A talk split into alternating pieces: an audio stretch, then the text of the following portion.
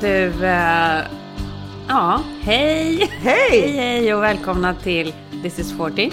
Det är så kul för att jag känner ju att eh, jag liksom, nu sitter ju jag ju hemma hos dig för Ja. att jag, så jag fick ju komma ut i huset för första gången. Och eh, eh, jag har ju liksom sminkat Ja. mig och alla juveler är på. Jag har liksom, det var hatt och det var rock och liksom. Ja, du var så snygg när du kom här. Det blir ju så när man inte har varit utanför huset på 12 dagar. Så Ja. plötsligt får man liksom sätta sig i bilen bara själv. Att inte vara med barn eller man.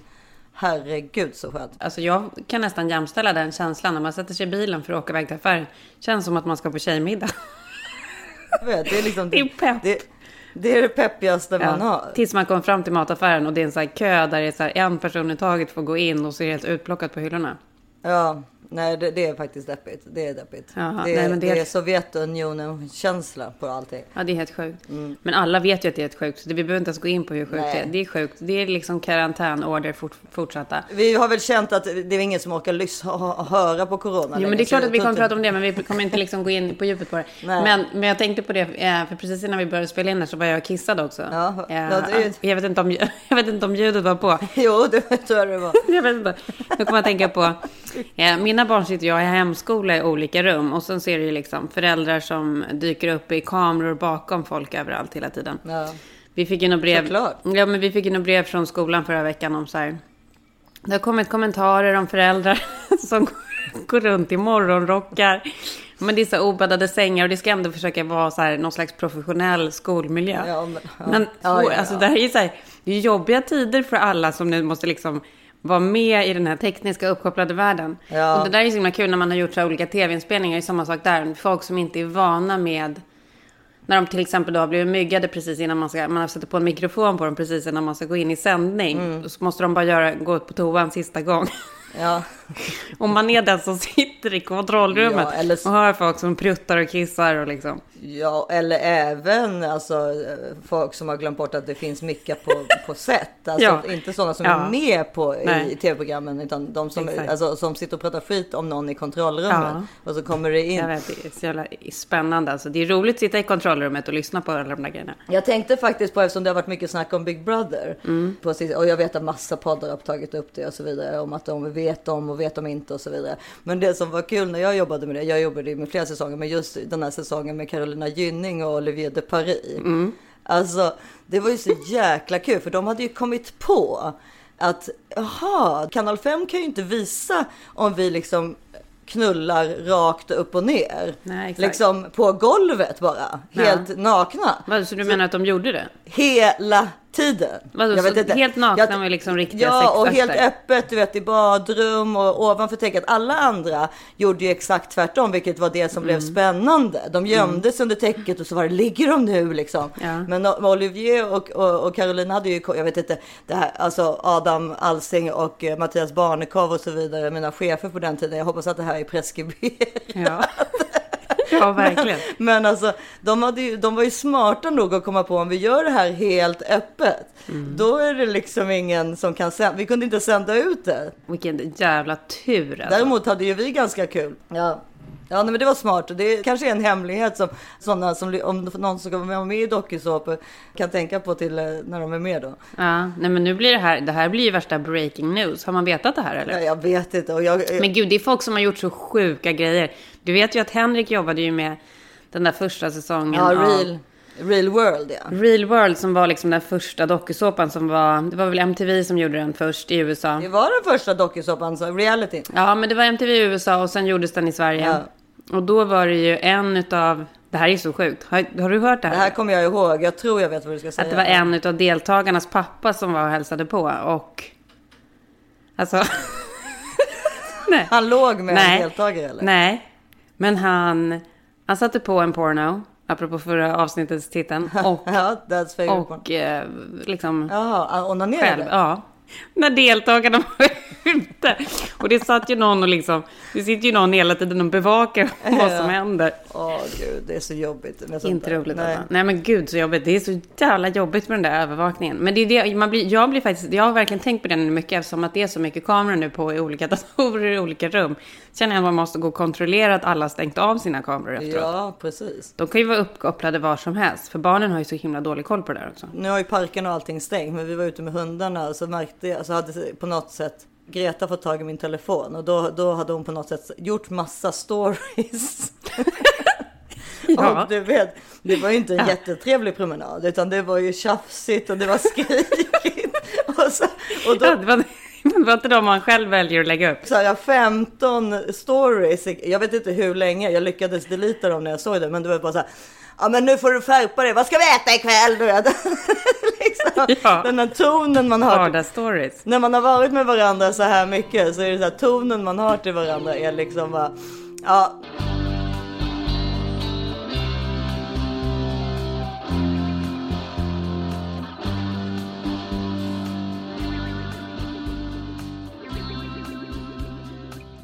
Men jag, jag, det var också kul, man är ju så jäkla mycket med sina barn nu så skulle, alltså på den här nivån är man ju att man liksom så här, jag tycker att det är, alltså jag tittade på, alltså Selma skulle göra en ny emoji till mig. Alltså på, min, på bilden som ska komma upp då när jag ringer till henne. Så tittade jag liksom på, vad, gud vad heter jag i din telefon? Då hette jag birthgiver. Jag tycker det är så gulligt. Jo, det tycker Och jag. sen- Det är jättegulligt. Och då, och då så tittade jag och så, bara, så, så skulle Oggy, tyckte jag, jag bara, vad heter, heter jag inte mamma i din? Till Oggy Oggy bara, nej, du, i, i Oggys hette jag Woman who lives with me. Ja, men då har ju de Men- haft så roligt när de har suttit och gjort det där. ja, jag vet, det var inte tillsammans, för de visste inte om varandra. Nej. My adopted brother hette ju Oggy till Selma och sen så Selma hette stepsister Ja. till hos Oggy. Så, Jo, men då har ju de haft det som en rolig grej. De håller ju på där i varandras telefoner. ja, kanske, jag vet Det är inte. så jävla fint också med syskonrelationer. För det är ju liksom, alltså man, man är ju ingen annan så nära som en, liksom ett förälder eller ett syskon. Man har liksom ett band där man är för evigt alltså, ihopbunden med. Det är så otroligt fint. Men du vet, alla har det inte så. Det finns familjer där, inte, där syskon bestämmer sig för att nej, men vi passar inte ihop. Det är ingen idé att vi är kompisar. Alltså som vuxna menar jag då. Alltså som barn har de inget val än att bo tillsammans med varandra. Men, det finns, men för mig är det där helt ofattbart. För jag är så otroligt nära hela, alla mina syskon. Jo, men och sen så känns det som att så här, ju äldre man blir, desto viktigare blir det. Ja, typ. men jag lovar dig, jag känner många, till och med i min närhet, som inte har kontakt med sina syskon. Men jag lyssnade på P3s musikdokumentär om Oasis. De här jävla snubbarna kommer förmodligen att bli typ världens största rockband. I'm part of the greatest band in the world. Am I happy with that? No, I'm not! Planeterna stod rätt just då. Och det pratas ganska mycket om deras bråk också, hur mycket de bråkar med varandra. Man blir så ledsen över hur dåligt de verkar ha det mellan varandra. Shut the fuck up, man. Get the fuck out of my band. How many special people change? How many lives are living strange? Where were you while we För Johanna Svanberg var en kompis som mm. intervjuade henne lite. Och precis som man känner själv, alltså hur snygga var de? Inte minst Liam. Han är ju väldigt snygg. Alltså när man ser gamla bilder på honom, det är ju sinnessjukt hur snygg han är. Ingen har någonsin varit så snygg med en unibrow heller. Liams jävla blick och lugg och cheekbones och attityd och swag är ju liksom Elvis perfektion. Ja, jag, jag kan känna liksom med coronan och allting att, att jag har tänkt, framförallt när jag lyssnade på den kände jag så här, gud vad vi varenda människa har ställt sig in i ledet i detta. Liksom att vi alla bara eh, godkänner att lagen säger att nu får vi inte gå ut. Alltså de allra flesta pratar vi om. Ja, det liksom. finns ju ganska många undantag också dock. Ja okej, men alltså det är ändå inte liksom rock'n'roll undantag. Utan Nej. det är ändå så här. Vad jag längtar efter att det ska komma ett nytt 90-tal på det sättet där det fanns riktiga rockstjärnor, rebeller rent ut sagt. Columbia Hotel i London är en bländande vit byggnad med stora pelare mitt emot Hyde Park. Klockan är sex på morgonen när det plötsligt börjar flyga ut möbler från ett fönster. Stolar, bord och krukväxter landar nere på gatan tills en prålig Mercedes får motorhuven förstörd. När polis kallas till platsen har Oasis redan hunnit sticka. Oh my, det här kommer inte att sluta bra. Bröderna lever ut sina rock'n'roll-drömmar med vilt festande, droger och sex. I brittisk press är det ständigt nya rubriker om slagsmål och sönderslagna hotellrum. Samtidigt turnerar bandet och skriver nya låtar till ett kommande album. Alltså resan från album 1 till album 2. Ja, det är klart den är skakig. Och om man då som Noel Gallagher väljer att kombinera detta med kilovis med kokain. Och kokain har vi lärt oss är en utmärkt rockdrog under en väldigt, väldigt, väldigt kort period. Efter några månader så är man fucked. De- De verkar ju ha haft liksom en hatkärlek som verkligen är också hat. För att man kanske är liksom lite för lika varandra på något sätt. Hösten 94 flyger Oasis över Atlanten för att göra sina första spelningar i USA och lansera sig på den amerikanska marknaden. Ett stopp är på Los Angeles hippaste klubb, Whiskey A Go Go. Allvarligt hat alltså. Och Det- avundsjuka. blir, ja, man blir så illa berörd när man liksom går igenom historien. Ja. Under hela spelningen jävlas Liam med Noel. Han tar mer speed bakom en förstärkare och låtsas sedan onanera mot sin bror. Till slut slår han en tamburin i Noels huvud och lämnar scenen innan spelningen är klar. Under hela USA-lanseringen har bröderna grälat. Men efter spelningen i LA hoppar Noel av och lämnar bandet på stående fot. Han reser till San Francisco där han har träffat en tjej under ett turnéstopp. Till slut lyckas bandet lokalisera honom och reser tillsammans hem till Manchester. För trots bråken kräver Oasis två Gallaghers. En karismatisk sångare och en genialisk låtskrivare.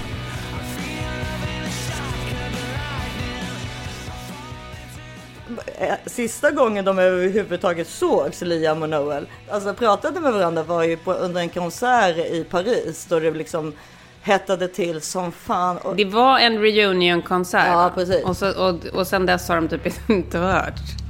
Det är en varm augustinatt i Paris 2009. Tiotusentals fans trängs framför den stora scenen på festivalen Rock on Seine. Men bakom scenen startar ett gräl. He went to his own dressing room and he came back with a guitar and started wielding it like an axe, and I'm not fucking kidding. You know, he nearly took my face off with it, you know. So I was like, you know what? I'm fucking out of here.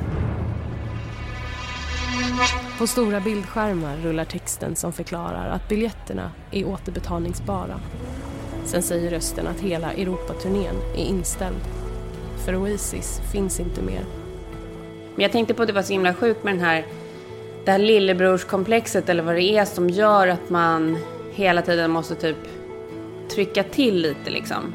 För han är ju så jävla taskig Liam mot Noel hela tiden. ja, men det var ju också liksom... Och att- även, nej men Issa vänta, även efter att de då inte har, de har ju då inte setts och umgåtts på tio år, Mm. måste ju då Liam ändå gång på gång lägga upp så här olika bilder, jag vet inte om du har sett de här bilderna han har lagt upp på Noel på Twitter, typ så här, Mm. potato face, han kallar liksom sin brorsa som han inte har sett på tio år, för potato face, det men är så det är- jävla mobbing, alltså ja, det är men så ju mobbing. hela tiden när Liam får frågan så här, vad, vad, hur tror du att Noel, har du pratat med Noel eller hur, hur tror du Noel är? Du får, vi- du får vi titta på Twitter, där är han. Alltså han har ju alltid såna här små, Ja. att han inte har... Det, det sjuka är att man tänkte ju verkligen att det skulle gå riktigt illa för honom.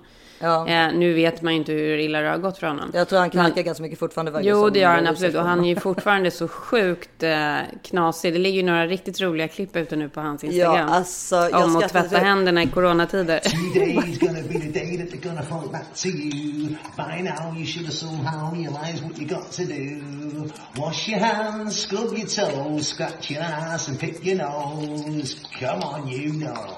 Ja, han har ju fortfarande inte ställt in sig i ledet förstås. Tar det i rumpan och tar det i, i näsan. Ja, petar i näsan. Petar, alltså den är, det är sjukt roligt. Han har gjort om massa olika låtar där Ja. på sitt Instagram. I need to be myself. I can't be no one else. I'm feeling supersonic. Give me gin and tonic. You can have it all, but how much do you want it? Wash your hands, you little fuckers. Nej men alltså, nu, alltså om man- skulle liksom jämföra Liam och Noel till exempel med Oggy och Gösta. Så finns det ju där det här lillebrorskomplexet alltså, och också avgudan. Det måste ju finnas i ditt fall också med Harry och Caesar. Jag har så Att det- himla svårt att se att de någonsin skulle liksom, alltså så här, såra varandra på riktigt. Nej men det som är De är väldigt så fint jävla med... snälla mot varandra. Ja, det, faktiskt som är, det är väldigt fint med dina eh, killar. De är otroligt goda vänner. Alltså det är ganska ovanligt skulle jag Ja, säga. nej, men jag det vet, jag vet, jag vet jättemånga syskon Ja. som är, inte alls är vänner med varandra. Och de är, alltså Harry och Caesar är verkligen goda vänner och, och, och trivs ju väldigt bra ihop liksom. Gud ja, men det är, nästan, alltså, det är nästan besvärligt för de vill ju typ inte hänga med några andra. Fast det är jätteskönt jag tyckte att toppen. Ja. Men eh, jag kan se liksom i mitt fall så jag tyckte Oggy och, och eh, Gösta också var det ett tag. Men det går ju så himla mycket i faser tycker jag i min familj. Och när, med, med, nu så är det ju liksom Oggy tycker han är så jobbig. Eh, och, och hans och Mm. Alltså att lillebrorsan är jobbig. Ja, och, han, och de sover ju liksom i samma säng också. Nu har vi Mm. ändrat på det. Nu sover Filip med Gösta och Oggy med mig istället. Mm. Men Ja, Men det är ju för att ni nu under en period bor i en liten lägenhet. Ja, men då i alla fall så då liksom tycker Oggy att Gösta klänker Ja. honom i, i sömnen. Ja, det kan man ju förstå, det är jobbigt. Det, han är som Henrik på dig. Ja, det kan man relatera till. Och, eh, och, ja, du vet, det bråkas hela tiden. Och, och, och Gösta vill ju bara att Oggy ska tycka om honom. Åh, ja, nu men- men spricker mitt hjärta. Ja, och du vet ju han, här, han, han Gösta är ju så här Mm. extremt smal, alltid så här lite Mm. svart under ögonen. Man får ju såna här moderskänslor så att det inte är klokt. Ja, han är så fin. Och Ogge tycker bara att han är svinjobbig. Så det skulle ju kunna bli en liten Liam Noel eh, eh, förhållande mellan dem. Det får vi se. Mm, Man får ju hoppas verkligen att det inte blir det. Men- Men, det, är, men det är precis som du säger, syskonrelationer går ju verkligen i faser. Jag och min syster är ju alltså så nära som man bara kan vara, även om vi liksom bor på andra sidan jordklotet för varandra. Ja. Men jag kommer ihåg när vi var yngre, då är vi ändå, det är exakt samma åldersskillnad mellan oss som med Harry och Caesar. Det är bara ett år och åtta månader typ. Vi var verkligen inte så här så tajta när vi var yngre. Alltså två tjejer i nära ålder, eh, när de växer upp, tror jag typ är det svåraste man kan ha att göra med. Alltså är när vi så- var riktigt små så lekte vi ju. Ja, ja, ja, men jag pratar mellan, liksom sju, mellan 7 och 18 då, eller 7 och 5, något sånt där liksom. Så är det ju liksom, då är det ju väldigt mycket just, eh, eh, alltså man vill leka med samma docka kanske. Bråkar Mm. man om det? Alltså man har väldigt mycket liknande. Nej, Plus men, att vi är nej, så kommunikativa. nej, men jag och min syrra är så otroligt olika. Alltså, det även om vi nu är bästa kompisar. Alltså, det finns inga personer som är så olika som vi. vi Kan liksom- möjligtvis jag och min syster. Ja, eh, Alltså, så en utav otroligt olika. Så vi, hade ju så här, vi lekte ju inte tillsammans. Jag kommer ihåg att jag ville vara som hon för att hon var äldre liksom. Ja. Men jag låg ju typ hemma mellan mamma och pappa och tjuvläste hennes dagbok liksom. Medan hon typ hade en kille och var på stan. Ja. Alltså när, jag var, när, när man var så liten liksom. Ja. Och man ville så leva typ hennes liv. Och hon var väldigt självständig och jag var liksom inte det. Nej. Så olika som man kunde vara liksom. Jag var ju hemsk, alltså framförallt mot min minsta syrra när jag var liten. Alltså en gång till exempel så, så alltså det här är ju nästan för mycket.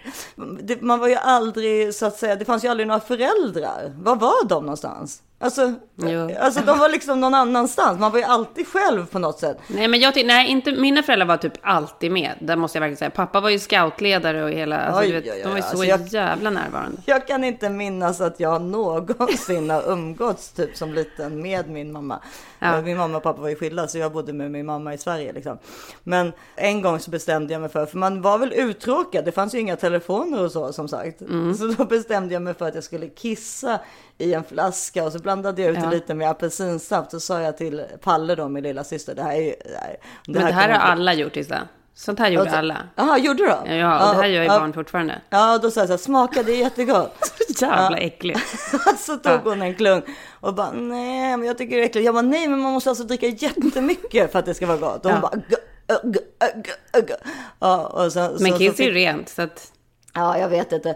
Och, eh, men vi hade, jag och Ia, min storasyrra, vi hade ju också en grej att vi alltid tvingade henne. Och det var sjuka att det, hon kan inte ha varit med, för det här måste ju varit typ när jag var 10, för jag började ju på Lundsberg när jag var typ 12, 11 typ, eller jag vet inte, Te- Så då betyder det att hon måste ha varit fyra eller fem.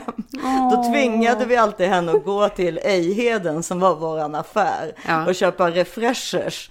Och om hon gjorde det så skulle hon få 50 öre. Ja. Och då kom vi på liksom att, att jag pratade nämligen med Ia om, om det här för några veckor sedan och bara kom jag på liksom så här, men gud hon kan ju inte mer än ha varit fyra eller fem år. Ja, det är helt sjukt, Det alltså. liksom, hade ju liksom aldrig hänt idag. Nej. Nej men sen man har ju Men så syskon- var det ju. Föräldrar var ju inte alls närvarande på sättet som det var idag. Jag kom, en, så här, en av min syrras och mina så här, värsta gemensamma ångestminnen är när vi var, alltså då kan inte vi ha varit gamla. Vi var typ, vad kan man ha varit då? Kanske typ, ja, sju och fem då. Hon var ute och lekte i bilen. Det var ju också så jävla sjukt att man Ja, det, det fanns ingen annanstans och inget att göra. Ja, och ingen förälder där, precis som det var. Och vi höll på att turades om och stänga in varandra i bagageluckan på pappas bil. Perfekt Ehm, ja, perfekt lek, eller hur? Och eh, bara provade. Först så hoppade hon in, jag stängde luckan. och sen hoppade jag in och stängde luckan. Och sen bara, men vi provar båda två att hoppa in. Åh, perfekt. Stänga luckan. Och ligger där och den är låst och får, alltså det var väl också så här, kanske en halvvar sommardag. Alltså vi hade sån Åh, panik och bara, nu kommer panik. luften ta slut och båda två bara skrämde upp varandra. Och så är ju hon och jag bo, idag också, att vi kan skrämma upp varandra. Så till den milda grad över grejer som vi så får för oss att så här, nu är liv, nu liksom världen på väg att ta slut. Vem hittade er? När vi ligger där inne och jag, alltså så här, när vi pratar om det här så får vi sån panik. Ja, jag Eh, får panik. Och det känns ju alltså som att det var så länge. Det var ju säkert inte så länge. Men de hörde väl liksom till slut att det så bankades där från bakluckan och där låg vi. så jävla sjukt.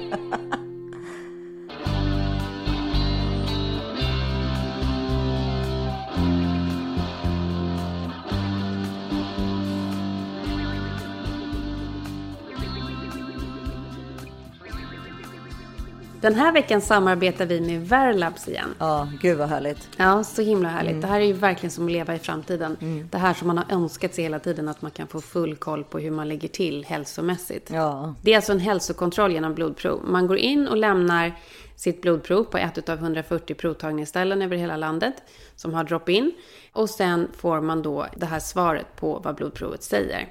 Då loggar man in på sin journal och där kan man då se alla olika värden. Det är ju så himla viktigt att göra ett blodprov i, alltså, och i förebyggande syfte. För det är ju det som Verlabs vill göra. Man, vill ju, man ska ju hjälpa människor innan de blir sjuka. Eller, alltså, det är ju hela grunden i att förebygga genom att ta blodprov så att man kan upptäcka saker innan det har gått för långt. Alltså det finns ju vissa sjukdomar som inte ger några symptom på kort sikt och, och symptom som utvecklas långsamt. Så därför så är det verkligen bra att ta blodprov. Och eh, livsstilsförändringar kan ju i bästa fall förhindra eller till och med fördröja sjukdomar. Det var väl Världshälsoorganisationen som gick ut med att man kan genom hälsosamma levnadsvanor förebygga 80% av alla hjärt och kärlsjukdomar. Och får man då reda på i de här provsvaren att man kanske liksom har då försämrat värde någonstans så kan man ju då förebygga det. Ja, Det är det som är så himla bra. Det är därför det här med Verlabs är så bra. De arbetar förebyggande. verkligen. Ja, men jag har loggat in här nu. Man kan liksom kolla blodsocker, man kan kolla sitt kolesterol, hur man ligger till i vitaminer. Jag går ju alltid runt och oroar mig för mitt D-vitamin som alltid är för lågt, även om jag lever här i solen. Och det ska man göra. D-vitamin är så viktigt ju. Ja, men och då får man då se vilka värden som ligger lågt och vilka värden som ligger högt om någonting skulle ligga högt. Man får liksom en analysbakgrund där man får den här exakta förklaringen till varför ett värde då kan ligga på ett visst sätt. Och vad man kan göra om man har då för lågt eller om man har för höjt. För det är ju då ett läkarsvar. Alltså det är otroligt utförligt alltihopa. Jag skulle kunna sitta och läsa det här och bara ha som min så här underhållning. För det här Det är är- exakt det man vill veta liksom. Det är ju nattlektyren. Ja, vad man har för hjärnstatus, hur köldskörteln ser ut. Du som har lite problem med det. Ja, verkligen. Eh, Med lever och njurar, kroppssalter. Ja, men allt det här. Precis som man tar sin bil på service eh, varje år så måste man ju göra det med sin kropp och titta hur den står till. Det är ju precis samma sak. Det, alltså det viktigaste vi har är ju kroppen. Mycket viktigare än bilen. Vi tycker verkligen att ni ska prova det här. Jag tycker ni ska testa XL Plus-testet som är det som vi testar. Med koden thisis40 så får ni 10% rabatt på samtliga tester. Gå in på verlabs.se. W-E-R-L-A-B-S.se. Och det är alltså koden thisis40 med 4.0 då på slutet för att få 10% rabatt. Ja, och ni kommer inte ångra er. Gör det. Hej! Och vi är återigen sponsrade av vårt älskade Belissas Whitening. Catching! Med vårt vita leende, säger vi. Hur har det gått med hundtandlekningen på tal om Nej, det? men den har, den har vi såklart inte testat. Nej, Ja. det var faktiskt kul. Men våra egna tänder går det ju väldigt bra med. De går det väldigt Ja, bra de, med. det är inte så ofta man längre behöver liksom använda den här, vad heter den, den här retuschgrejen i, eh, på sina bilder när man ska liksom fixa till tänderna. Det behövs inte så ofta. Det är man ju glad över. Och vi har ju pratat om flertalet produkter från, som Belissa har, men vårt och ert favoritkit är ju Be White PAP 100. Mm. Och, och det kommer alltid förbli favoriten för både er och oss skulle jag tro. Ja, för det, det är så otroligt enkelt. Jag brukar ju köra på den direkt när jag ändå står i badrummet och håller på och fixar ordning mig. Eh, direkt efter ett bad. Du kanske ska göra det nu ikväll efter ditt bad? Jag brukar göra det i badkaret och jag kommer göra det idag i badkaret. Ja, superenkelt. Alltså det är så enkelt. Det är så enkelt och gällen innehåller mer än tre gånger så mycket av det effektiva ämnet helt utan väteperoxid för att garantera att man får ännu bättre resultat. Och så är det de här helt nya skenorna som man inte behöver forma efter tänderna utan det är bara att koppla på skenan direkt på lampan. Det är så smidigt. Ja, inte klokt alltså. Ja, och nu är det så att inte nog med allt det här som är så otroligt bra för utan det är också eh, otroligt bra rabatt som Belissas har gett till oss. Man får alltså 50% rabatt och fri frakt för just Be White PAP 100 med koden THISIS40. Mm. Sen, och sen så tycker jag bara så här, bara den grejen att de erbjuder nöjd kundgaranti, alltså är man inte nöjd får man pengarna tillbaka. Bara det i sig är ju ett hundraprocentigt bevis på att det här kommer göra er nöjda, för de skulle inte kunna sitta och ha den garantin annars. Nej, det är nej, otroligt nej, faktiskt. Och rekommendationen, det här ska vi inte glömma, är att bleka tänderna en gång dagligen i upp till tio dagar för maximal effekt. Mm. Men redan efter första behandlingen så kommer man se stor skillnad på tänderna. Ja, det gör man verkligen. Så det är bara att gå in på belissas.com och eh, klicka hem det här fantastiska erbjudandet. Koden var alltså this is 40 så får ni 50% rabatt och fri frakt. Perfekt. Tack Belissas. Tack Belissas!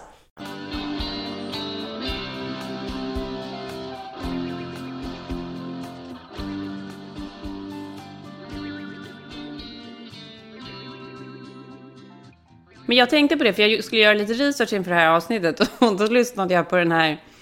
Dr. Phil eh, gav ju någon, det finns ju videoklipp på det här. Dr. Phil gjorde någon sån här tio lista över så här bästa sakerna att tänka på nu när man ska liksom vara tillsammans. Joining us now, he needs no introduction beyond Dr. Phil. Dr. Phil, at home there, how are you and the family? Billy, we're doing great. We're, Åh, jag hatar Dr. Phil. Ja, men det är ju jag med. Men det var ändå så här, framförallt var det en punkt som, nu vill jag säga att den stuck with me, att jag liksom tog den till mig. Men sen tänker jag på hur jag betedde mig här i morse, då var det inte alls så.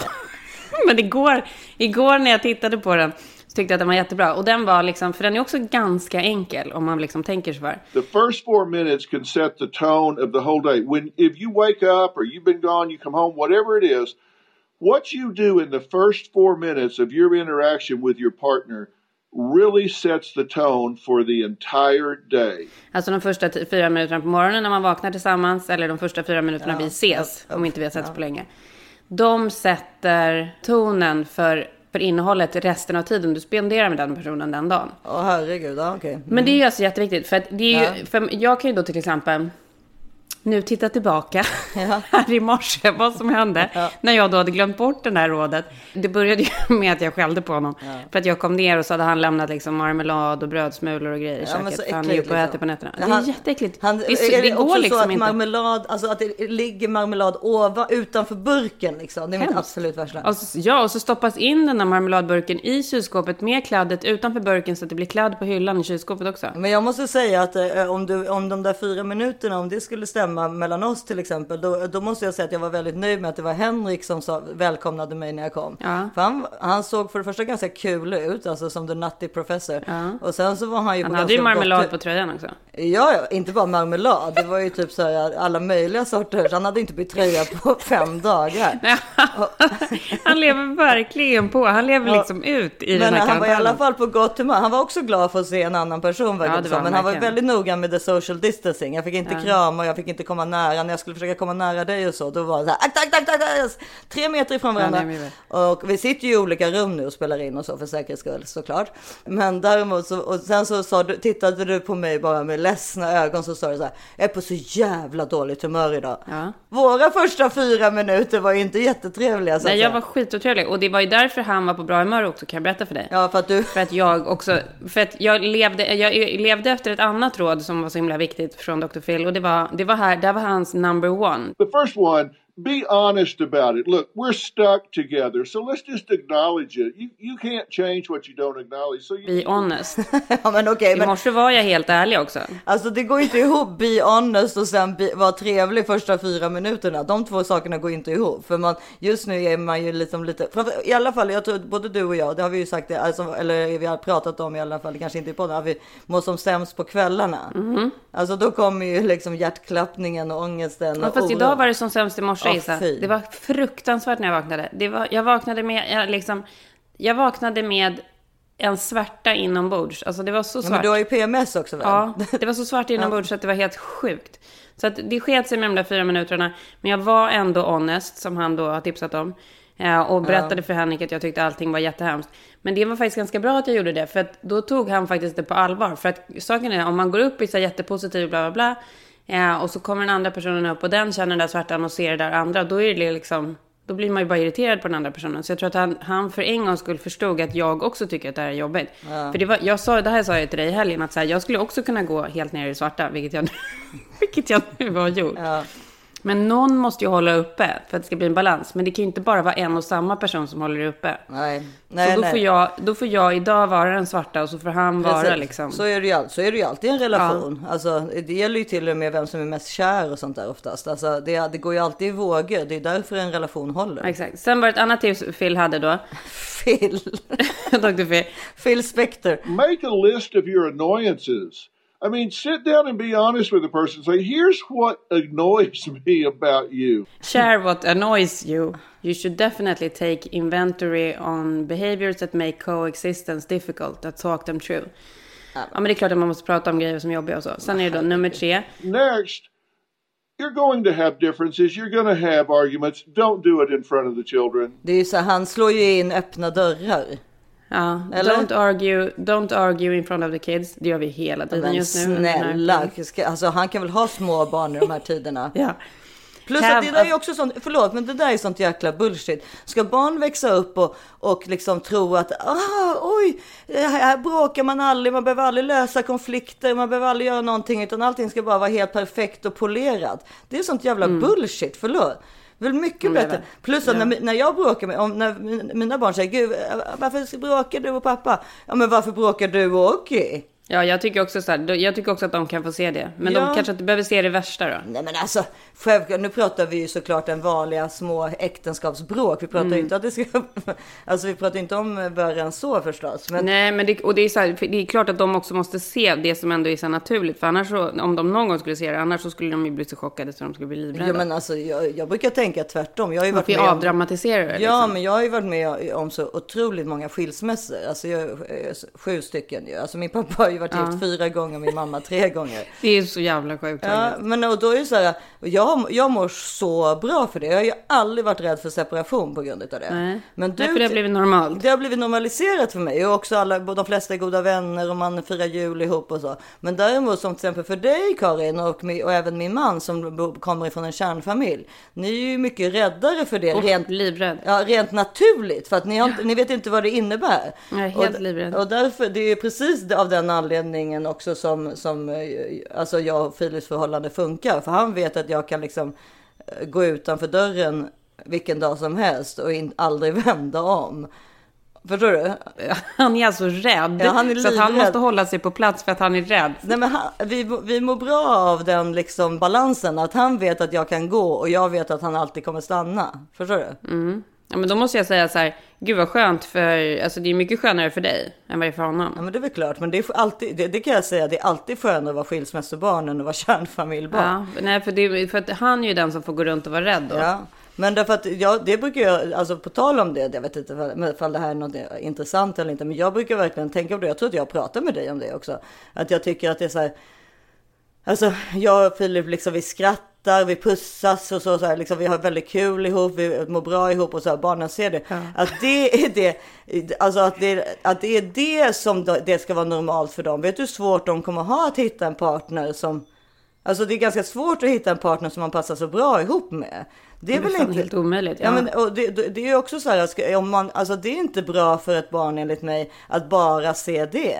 Utan de, de måste ju vara med om lite saker för att de ska förstå att aha, man måste kämpa för att det ska funka. Ja, man ja, måste, men, ja men och, allt, och att det måste så här, saker och ting måste avdramatiseras. ja, och, ja, nummer, nummer, alltså det är ju typ det viktigaste. ja, men därför, och, eh, ja. Det här är nej. ingenting som Dr. Phil pratar om. Nej, men, nej. Men det, det är ju lite, är, är det något mer som Dr. Phil har sagt eller? Ja, men det var en grej som jag tyckte var jävligt roligt. Det var att han, han hade ett tips om att man skulle kunna ha på sig hörlurar och ha sitt så här favorit-soundtrack going on. Det trodde jag För du då- alltid då- hade Karin. Nej, men, det, ja, men det, alltså på riktigt så skulle nog det kunna funka ganska bra. Man har liksom en så här glad, peppig låt som Ja. hänger med en. Ja. Here's a good tip put your headphones on, play some music or whatever. You can really escape and put your headphones on where you do have some private time. Jag tror mitt skulle nog vara... Alltså jag blev så himla glad när Lars hade lagt på eh, Sing Hallelujah, Dr. Alban, förra veckan. För det är nog min... Det får vara mitt så här pepp soundtrack för att ta mig igenom det här. Sing Hallelujah! Men du, på tal eh, om det så, så har ju din man skickat Äntligen, det tog några avsnitt, men skickat en, ett bevis på att du visst snarkar. Ja, men det där är så jävla sjukt. För att det där, jag hade ju den i mailboxen en morgon. Jag tror inte på den där. Ja men alltså, jag, ursäkta mig, när det här podden kommer ut, jag ska spela det till er nu lyssnare, men då får vi, får vi nästan lägga ut filmen, för jag, då, han kan ju inte ha Det, pastat nej, då måste in det ha det. ett filter. Du måste ha ett filter på, för det är fan det, det, är faktiskt faktiskt det det vidrigaste jag sett. Jag vet. Nej, jag är fan inte med på det. Jag är Jo. inte med på det. Jo, det måste du. Herregud, jag la ju ut mig själv helt sned i veckan. Då får Ja. väl du lägga ut. Men- Vänta, ja, men jag Vänta, jag måste hitta jag- mejlet. Nej, eller där. Och herregud, bara, bara själva liksom stillbilden är liksom rolig. Vedervärdigt. Du ser död ut. Vedervärdigt. Jag vaknar av att jag har fått flera olika sms från olika personer om olika saker. Och sen är det ett sms från Henrik. Och så öppnar den. Då är det ett klipp på mig själv där jag ligger och sover. Jag känner också, det är nästan genomsyras av filmningen hur, hur mycket han, irritation han har känt på mig. Ja, alltså. och jag, har ju, jag har ju skickat en miljon sådana där filmer till honom. Så jag vet ju hur Men man, hur man, han- hur man är när kom- man gör den där filmen. Jag vill bara också veta att du ska veta att det här kom 9.28 i söndags. Då hade du redan däckat med andra ord. Eh, och, och däckat, alltså du sov liksom som en stock, helt svettig. Och då fick jag bara den här filmen och sen bara just saying. Ja. Och då skrev jag så här, ha ha ha, tack för bevis. Och då skrev han varje natt. Nej, Och då det skrev jag- stämmer inte. Det stämmer inte. Och jag har tittat på den där filmen, jag har kört den i slowmo och försökt så här, få ihop själva så här, snarkningarna med rörelserna från min mun. Och han bara, han bara, men Karin, tror du på allvar att jag skulle klippt ihop den här? Jag tror han orkar hålla Ja. på med det. Och då skrev han så här varje natt och då gjorde jag typ någon emoji. Då sa jag så här, blir perfekt i podden på tisdag. Och då skrev han så här, bra, häng ut henne. Ja, ja det är Alltså, det- stämningen det- mellan oss. Det är stämningen mellan Men er. det är Vänta, så här, det är fick- som att- det är- Lyssna på det här nu, vänta.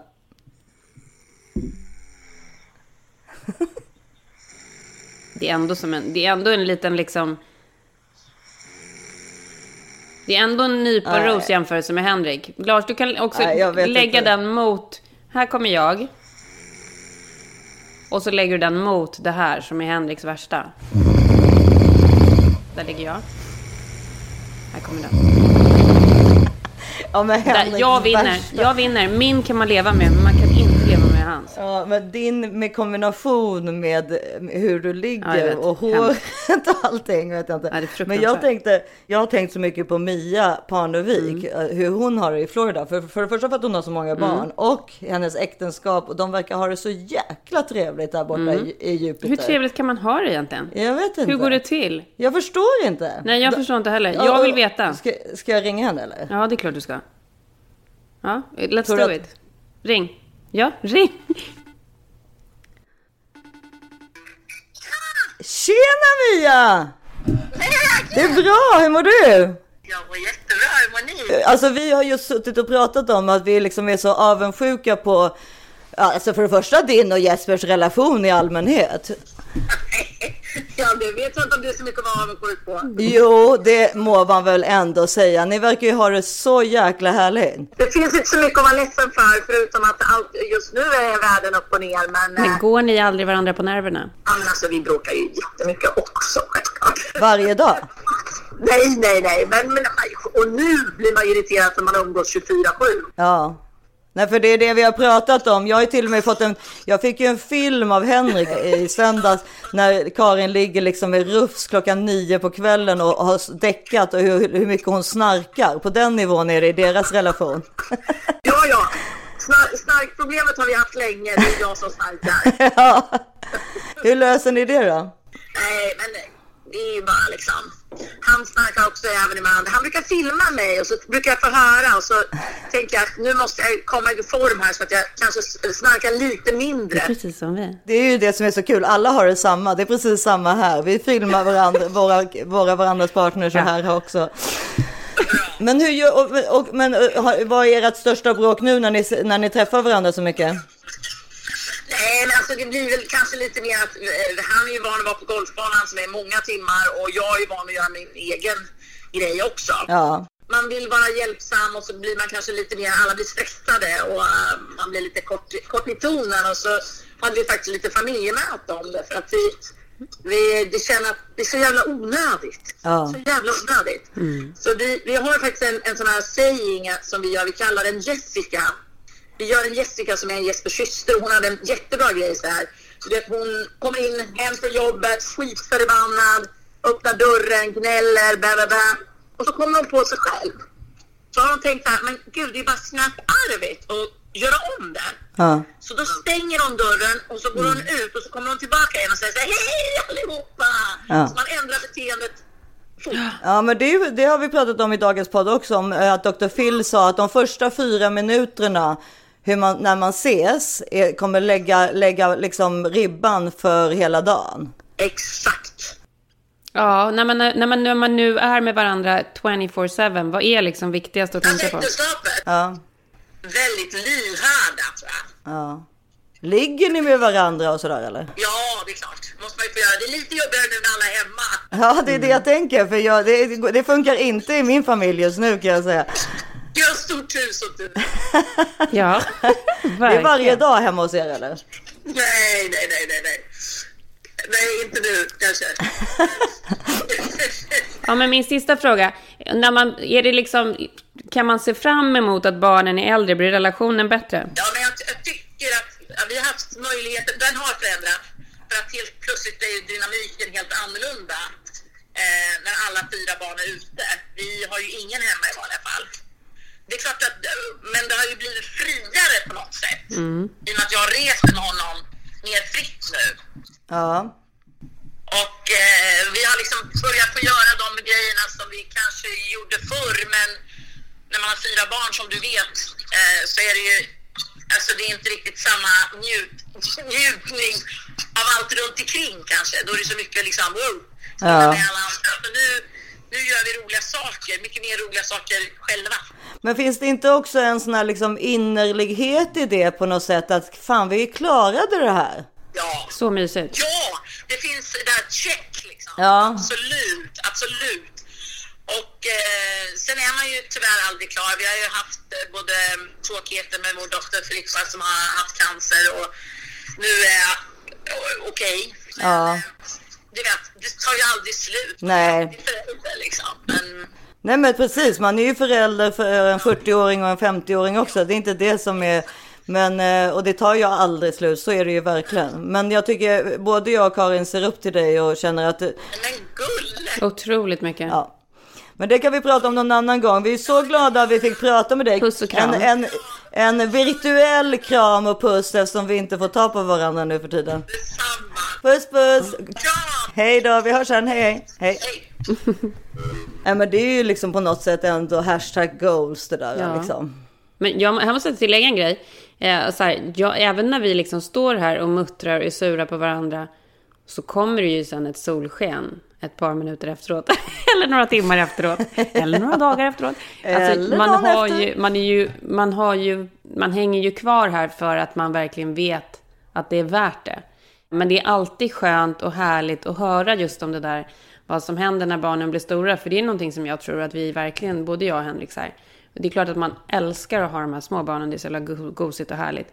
Men man ser ju också, eh, alltså man ser ju också en framtid som ska bli ganska härlig med stora barn. Ja, nej men och det är ju därför det är så att har man inte, eller så lever ju jag, jag, jag ska inte tala för någon annan, men alltså har man inte en tillräckligt bra relation, då får man liksom skilja sig. Ja, och ser man inte Alltså, det är framför inte sig att man kommer för att ha just.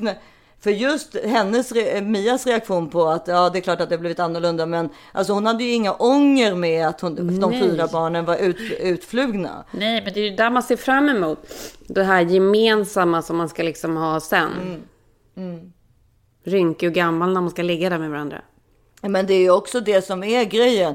Att funkar inte hjärnan ihop, har man inte kul ihop. Och man hörde ju också, hörde du det där om, när hon sa det där med frihet? Det var ju det hon menade. Till- Eller så jag analyserade det med att att eh, ja, vi har ju alltid gjort vårt liksom. Mm. Han har spelat golf och jag har gjort mitt. så tycker jag att men- vi också har det faktiskt ganska mycket. Ja, precis. Så Alltså har man både det ni i vanliga fall. Ja. Ja. och det är ju en sorts frihet att man har rätt till att leva fortfarande sitt egna liv fast man, fast man liksom är ett team. Superviktigt. Får man ta ett glas vin nu eller? Klockan 10.40.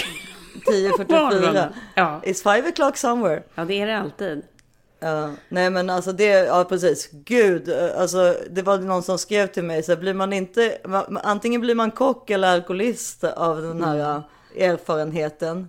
Jag tror så här, man får verkligen passa sig. För det är ju lätt att ta till, eh, det sa min syrra till mig idag, hon bara, det är lätt att ta till vinet som något så här ångestdämpande. Mm. Men jag tycker så här, då tar man ett glas vin till middagen är det helt okej. Men man kan ju inte sitta och dricka liksom hur många glas som, vin Pimpla. som helst om dagen. Det är klart att det inte riktigt. Nej, men jag märkte faktiskt Man också tappar ju orken och energin då också. Nej, det vet jag inte, men det, ja, det gör man väl. Men, Jo, men ja, man ju man är efter. bakfull, ja såklart. Men det där, även om man bara dricker så här typ två, tre glas vin, då börjar jag bli min, ång, kryper ångesten på lite mer. Mm. Alltså just nu i de här tiderna alltså. Eh, Men samtidigt... Jag tror man ska hålla sig till ett glas. Ett glas till middagen ja, får räcka. Ja, ja, men gud, det är också väldigt Men lite. sen får man väl festa till lite på fredagen, lördagen. Man måste ju ändå ha någon slags rutin i det här. För det är ju också så här, alla dagar kan inte vara fredag, lördag. Nej, men det var ju som Filip, Filip i fredags bara. "Eh, Jag tycker ändå det är kul att det är fredag idag. Men okej, varför då? Men eh, det, det är liksom... Jo, men det är ju det. Det är, skönt, det är skönt när man känner att man har helgen framför sig och man ska slippa homeschoolingen. Mm. Alltså lärare borde få så mycket mer betalt efter det här. Ja, och, och sjuksköterskor och läkare. Ja, hur som helst, det var eh, så tror jag, har vi inte pratat klart nu eller? Jo, nu är vi klara. Hur som helst, this too shall pass. Det kommer det faktiskt. Det får man liksom, när man är i det där djupaste hålet får man tänka på att det kommer komma en morgon då. Ja. Då ni sitter i karantän igen. Nej, jag skojar. Eh, man får kämpa ja, på helt enkelt. Vi- Imorgon sitter vi i karantänen till 100 procent. Vi hörs igen nästa vecka. Tills dess hittar ni oss på Instagram som this is 40 podd.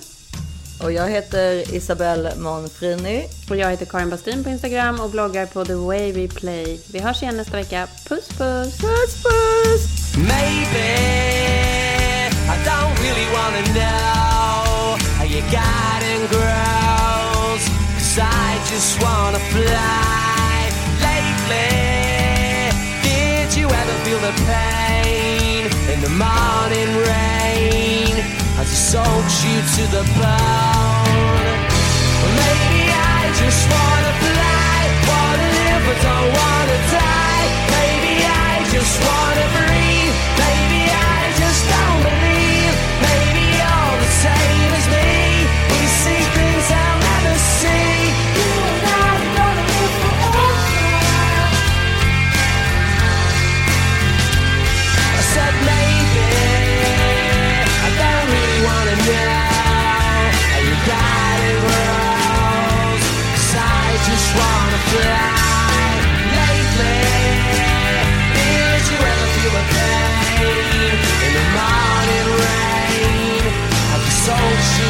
proud. Maybe I will never be all the things that I.